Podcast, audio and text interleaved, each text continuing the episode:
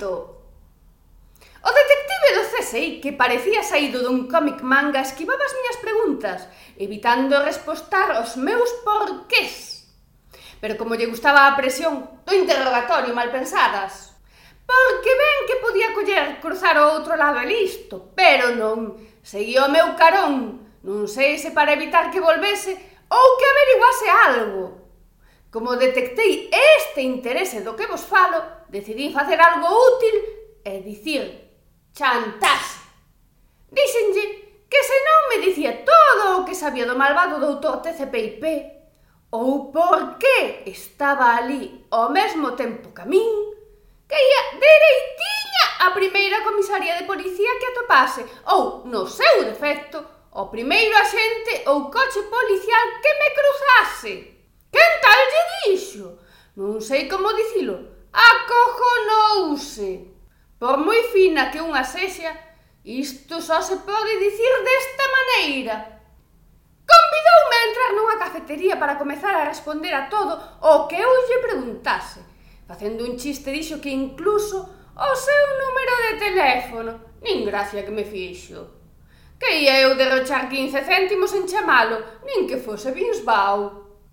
Dinámico, enfrontábase á súa nova aventura A da investigación mal pensados, cunha mezcla de emoción e interese peculiar, case infantil, diría eu. No fondo, estaba tranquilo porque deixaba o mando do seu imperio Bolikaos Slime a Mr. Jojovic, a súa man dereita, no que confiaba plenamente, porque sempre, desde que entrara a traballar como estilista nos comezos primeiros do imperio, lle dera moi bons consellos e sempre acertados.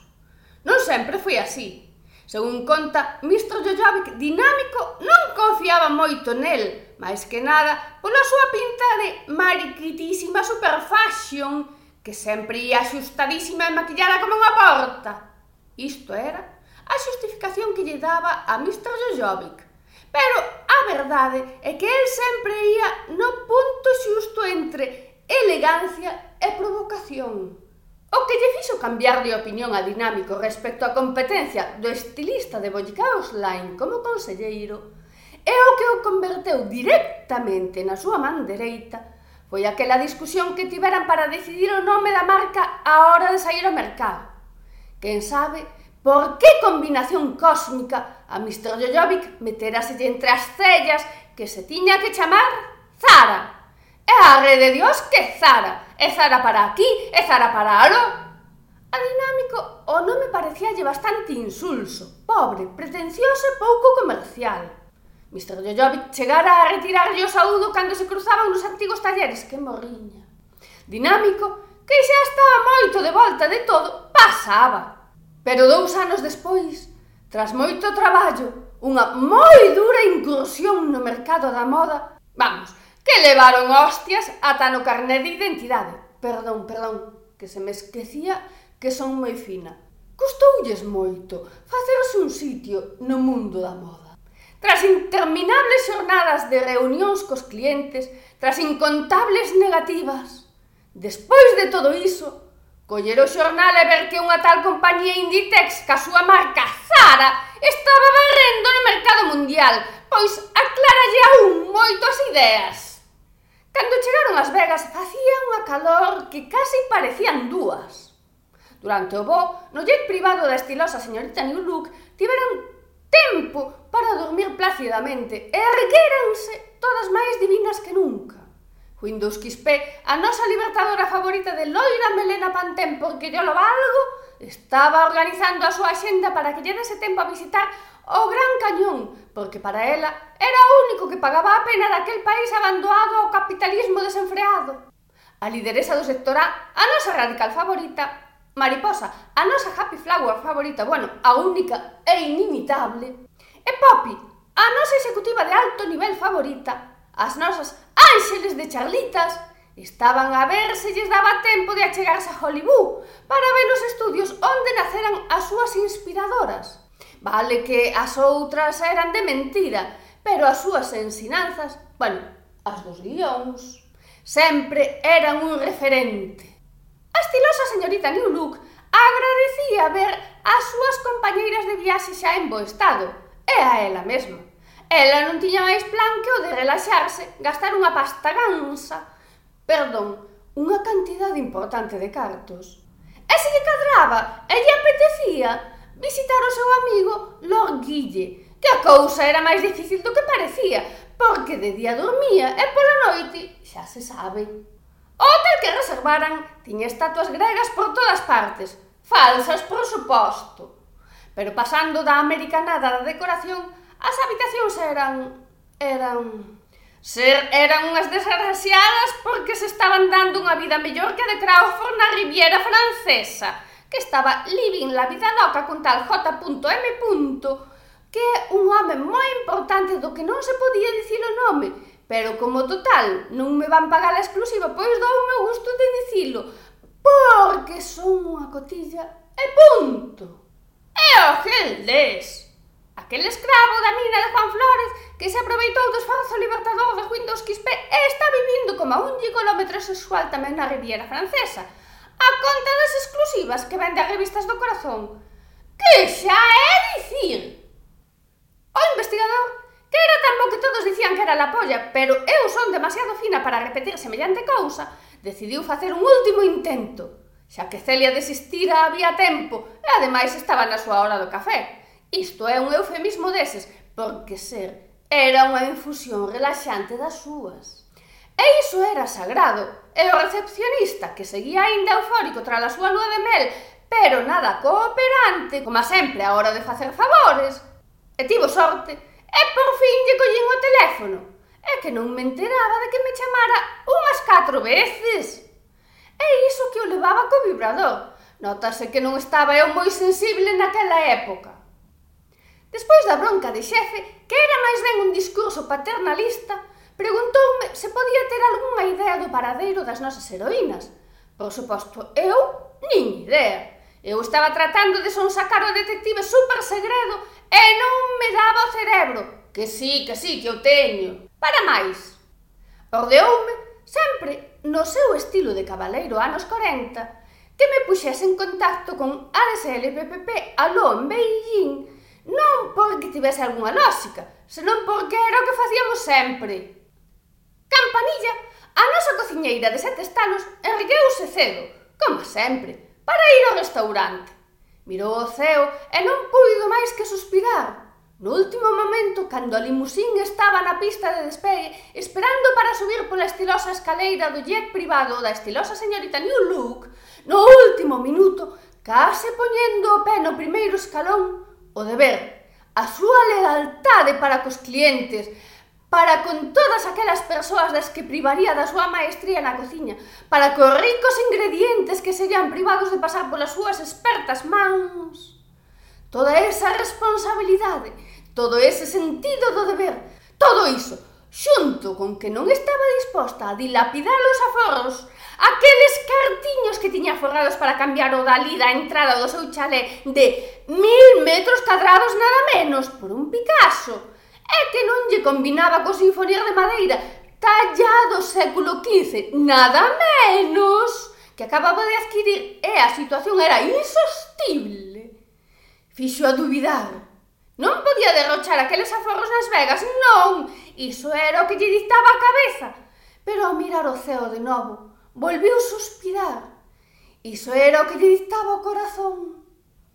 O hotel, que era unha horterada con estatuas gregas, pero que as habitacións estaban de vicio, ca súa piscina jacuzzi, ca súa cama de colchón de plumas de pato salvaxe de Laponia Oriental kilométrica, con climatización, que non aire acondicionado, bueno, Todo o que se poida dicir queda curto. A dona do hotel, Anao, que era íntima de Poppy, era unha executiva agresiva que se fixera o control da cúpula directiva da empresa de Lecer que xestionaba todo o complexo grazas a unha información moi interesante, xa me entendedes, sobre o anterior director, un manta sen cerebro, que non só se adicaba maiormente á dispersión moral, se non que ademais non tiña suficiente intelixencia para ser discreto nas súas dispersións. Anao ofreciuse para facer de guía nas instalacións do casino. Vale, aparentemente tampouco era tanto ofrecemento, pero en realidade sí que era porque que é mellor que a xefa do cotarro, perdón, das instalacións, para advertir das ruletas trucadas, das cartas marcadas, etc. Que xa sabemos todas que a nosa Happy Flower mariposa era unha experta nestes temas, e a ela non lle facía falta guía ningunha para detectar a desviación da ruleta e calcular en que número ia caer a bola. Pero o resto das nosas heroínas sí, especialmente a Windows XP e a lideresa do sector A, porque a elas estes locais de despilfarro capitalista non lles gustaban moito. Para min que era por non gastar os cartos. Ah, bueno, eu creo que estou poñendo en cabeza doutras os meus propios pensamentos, pero vos non digades nada. Dúas horas despois de que o investigador me chamase como un histérico. Xa sei que antes dixen que mo dixera co seu estilo de cabaleiro dos anos 40, pero que un está toda atarefada tratando de sonsacarlle ao detective supersegredo do CSI que sabía do malvado do outro CPIP, cal era para el o sentido da vida e a súa talla de... Bueno, Isto non ven ao caso agora, nin é interesante para a historia, nin fundamental para explicar o que estaba explicando. Iso, que eu, toda concentrada no interrogatorio, toda profesional, e non tiña outra cousa que facer que chamarme. A cuarta chamada, unhas tres horas despois da primeira, xa o notei algo nervioso. Pero aínda se alterou máis cando lle dixen na quinta chamada que aínda non chamara a DSL o noso contacto en Beijing. Despois, Cando a conversa co detective super segredo do CSI xa non daba para máis e non parecía moi disposto a convidarme a sentar, deille vía. Fixen por fin esa chamada e a DSLPPP moi amablemente díxome que faría o que estivese na súa man, pero a súa voz soaba como que non lle encontraba o sentido. Dixo que movería todos os seus contactos, aínda que a información que lle dábamos non era moita, Nin moi coherente, é que o facía polo cariño que lle collera a lideresa do sector A cando do meu. Faloume da súa nova socia, Miss Contret, unha detective de moita zona en Hong Kong, tanto pola súa eficiencia na resolución dos casos como, máis ben, por ser unha asidua da prensa rosa, posto que era da nobleza, disque. Miss Contret aproveitaba o seu estatus privilexiado dentro da nobleza para sacar adiante os máis estranos e complicados casos. Especializada en roubos de guante blanco, fundamentalmente diamantes. Mais que nada, porque a comisión, que ela traballaba a comisión, era maior. Estaba na oficina cando a DSLPPP recibiu a miña chamada. É porque ela é moi sofisticada e moi educada e non ri da xente porque tal como yo contaba de SLPPP, era para descojonarse de risa. Perdón, rirse moito. Contoulle que esta xente do oeste sempre nos andábamos perdendo e que tiñamos o mal costume de preocuparnos e meternos na vida das demais. Porque se nos daba por marchar co amante de incógnito a vivir libremente o noso amor, pois o resto, en manada, veña a buscarnos unhas as outras. Ter contactos en Beijing para isto. A lideresa do sector A, todo aquilo das Vegas parecía unha americanada total e non paraba de rosmar. Perdón, de facer comentarios reprobatorios. A estilosa señorita Niuluk suxeriulle ir dar unha volta polos teatros que poñían musicais de recoñecido prestixio e que era algo bo de ver aínda que fose en USA e nas Vegas. A lideresa do sector A non lle pareceu mala idea de todo e aló se foi. Non conseguiu arrastrar a Windows XP que estaba concentrada nunha negociación por videoconferencia e díxolle que de ningunha maneira podía abandonar aquel proceso. Antes o de ver que a devoción díxolle. Antes de que a lideresa do sector A cruzase a porta. Botouse a andar rua abaixo, seguindo o plano que lle configurara a nao non se daba decidido entre Gris ou sete novias para sete hermanos. Ao final decantouse por Gris. O investigador estaba facendo unha distribución do traballo, pero faltaba xente, pese a que eu, por fin, xa chegara ao despacho e estaba metida no meu despacho traballando intensamente, dando todo que diría a nosa Happy Flower mariposa. Dinámico, chegou todo emocionado e pasou directamente ao despacho do investigador. O investigador mandounos sentar e díxolle que primeiro tiña que volver ao último lugar onde viran as nosas heroínas e tratar de buscar rastros delas. Dinámico facía por lembrar que perfume usaba a mariposa. Sentía non ter sido máis observador. Homes. Para que lle fose máis fácil a tarefa. Entrou Celia no despacho, máis colgada que nunca, xa levaba uns días así. Iso era por Ross, o greñudo de vida disipada que atopara un traballo de capitán na flota interestelar, pensaba o investigador. E avisouno de que o Yeti xa chamara tres veces preguntando como avanzaba o caso. O investigador lamentaba que os colgues de Celia non lle restasen eficiencia en certos momentos. Ao contrario, como que lle provocaban un comportamento compulsivo. A tía non facía máis que entrar cada dez minutos e darlle o aviso. Comportamento que chegou a contaxiarlle ao investigador cando me chamou para que falase con a DSLPPP. Mal que lle sente que yo diga. Miss Contret sentiu empatía pola nosa busca, a parte de que lle resultaba moi terro iso de que nos preocupásemos tanto unhas polas outras, e a parte de que era unha cotilla. Puxose a traballar de seguido. O único que coñecía na Coruña era a Mr. Jojovic, O conselleiro executivo de Bollicaos Line é mandereita de dinámico, super fashion victim total.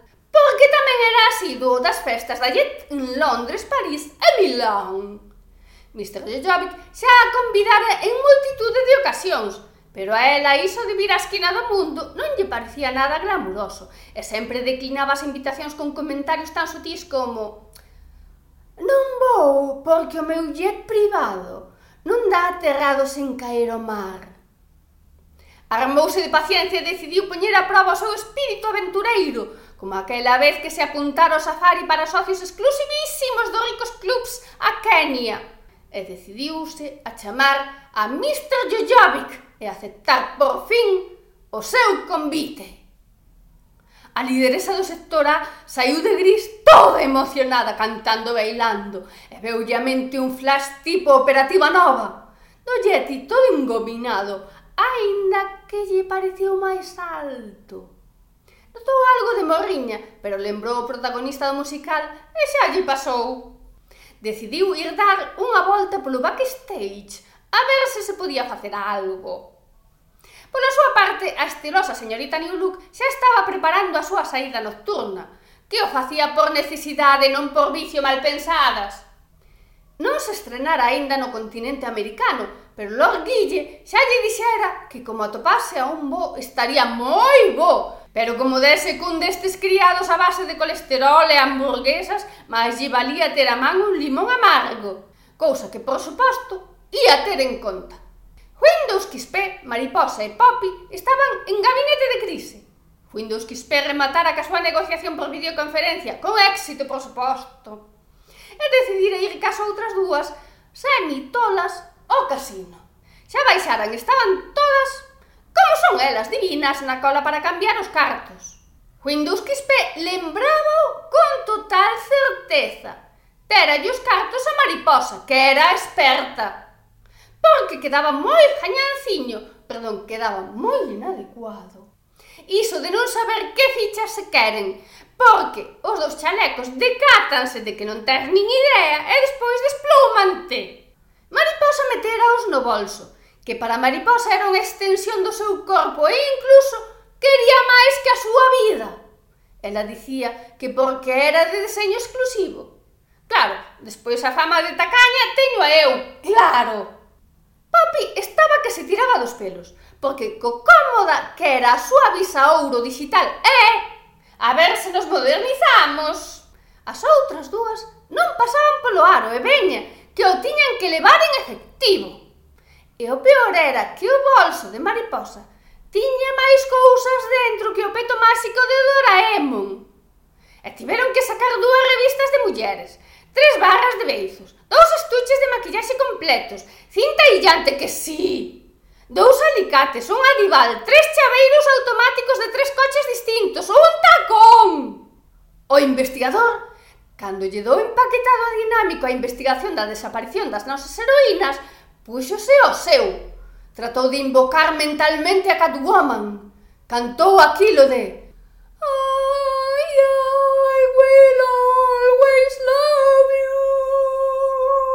Ou aquilo de Unchain my heart. Pero nada. Daquela pensou en chamar o despistado doutor Zixer 650 Porque malo sería que con el non aparecese? Mentres seguía as súas investigacións sobre a rubia do paso peonil daquel día. Que día aquel? Mentres eu, no meu despacho, recibín unha misteriosa chamada.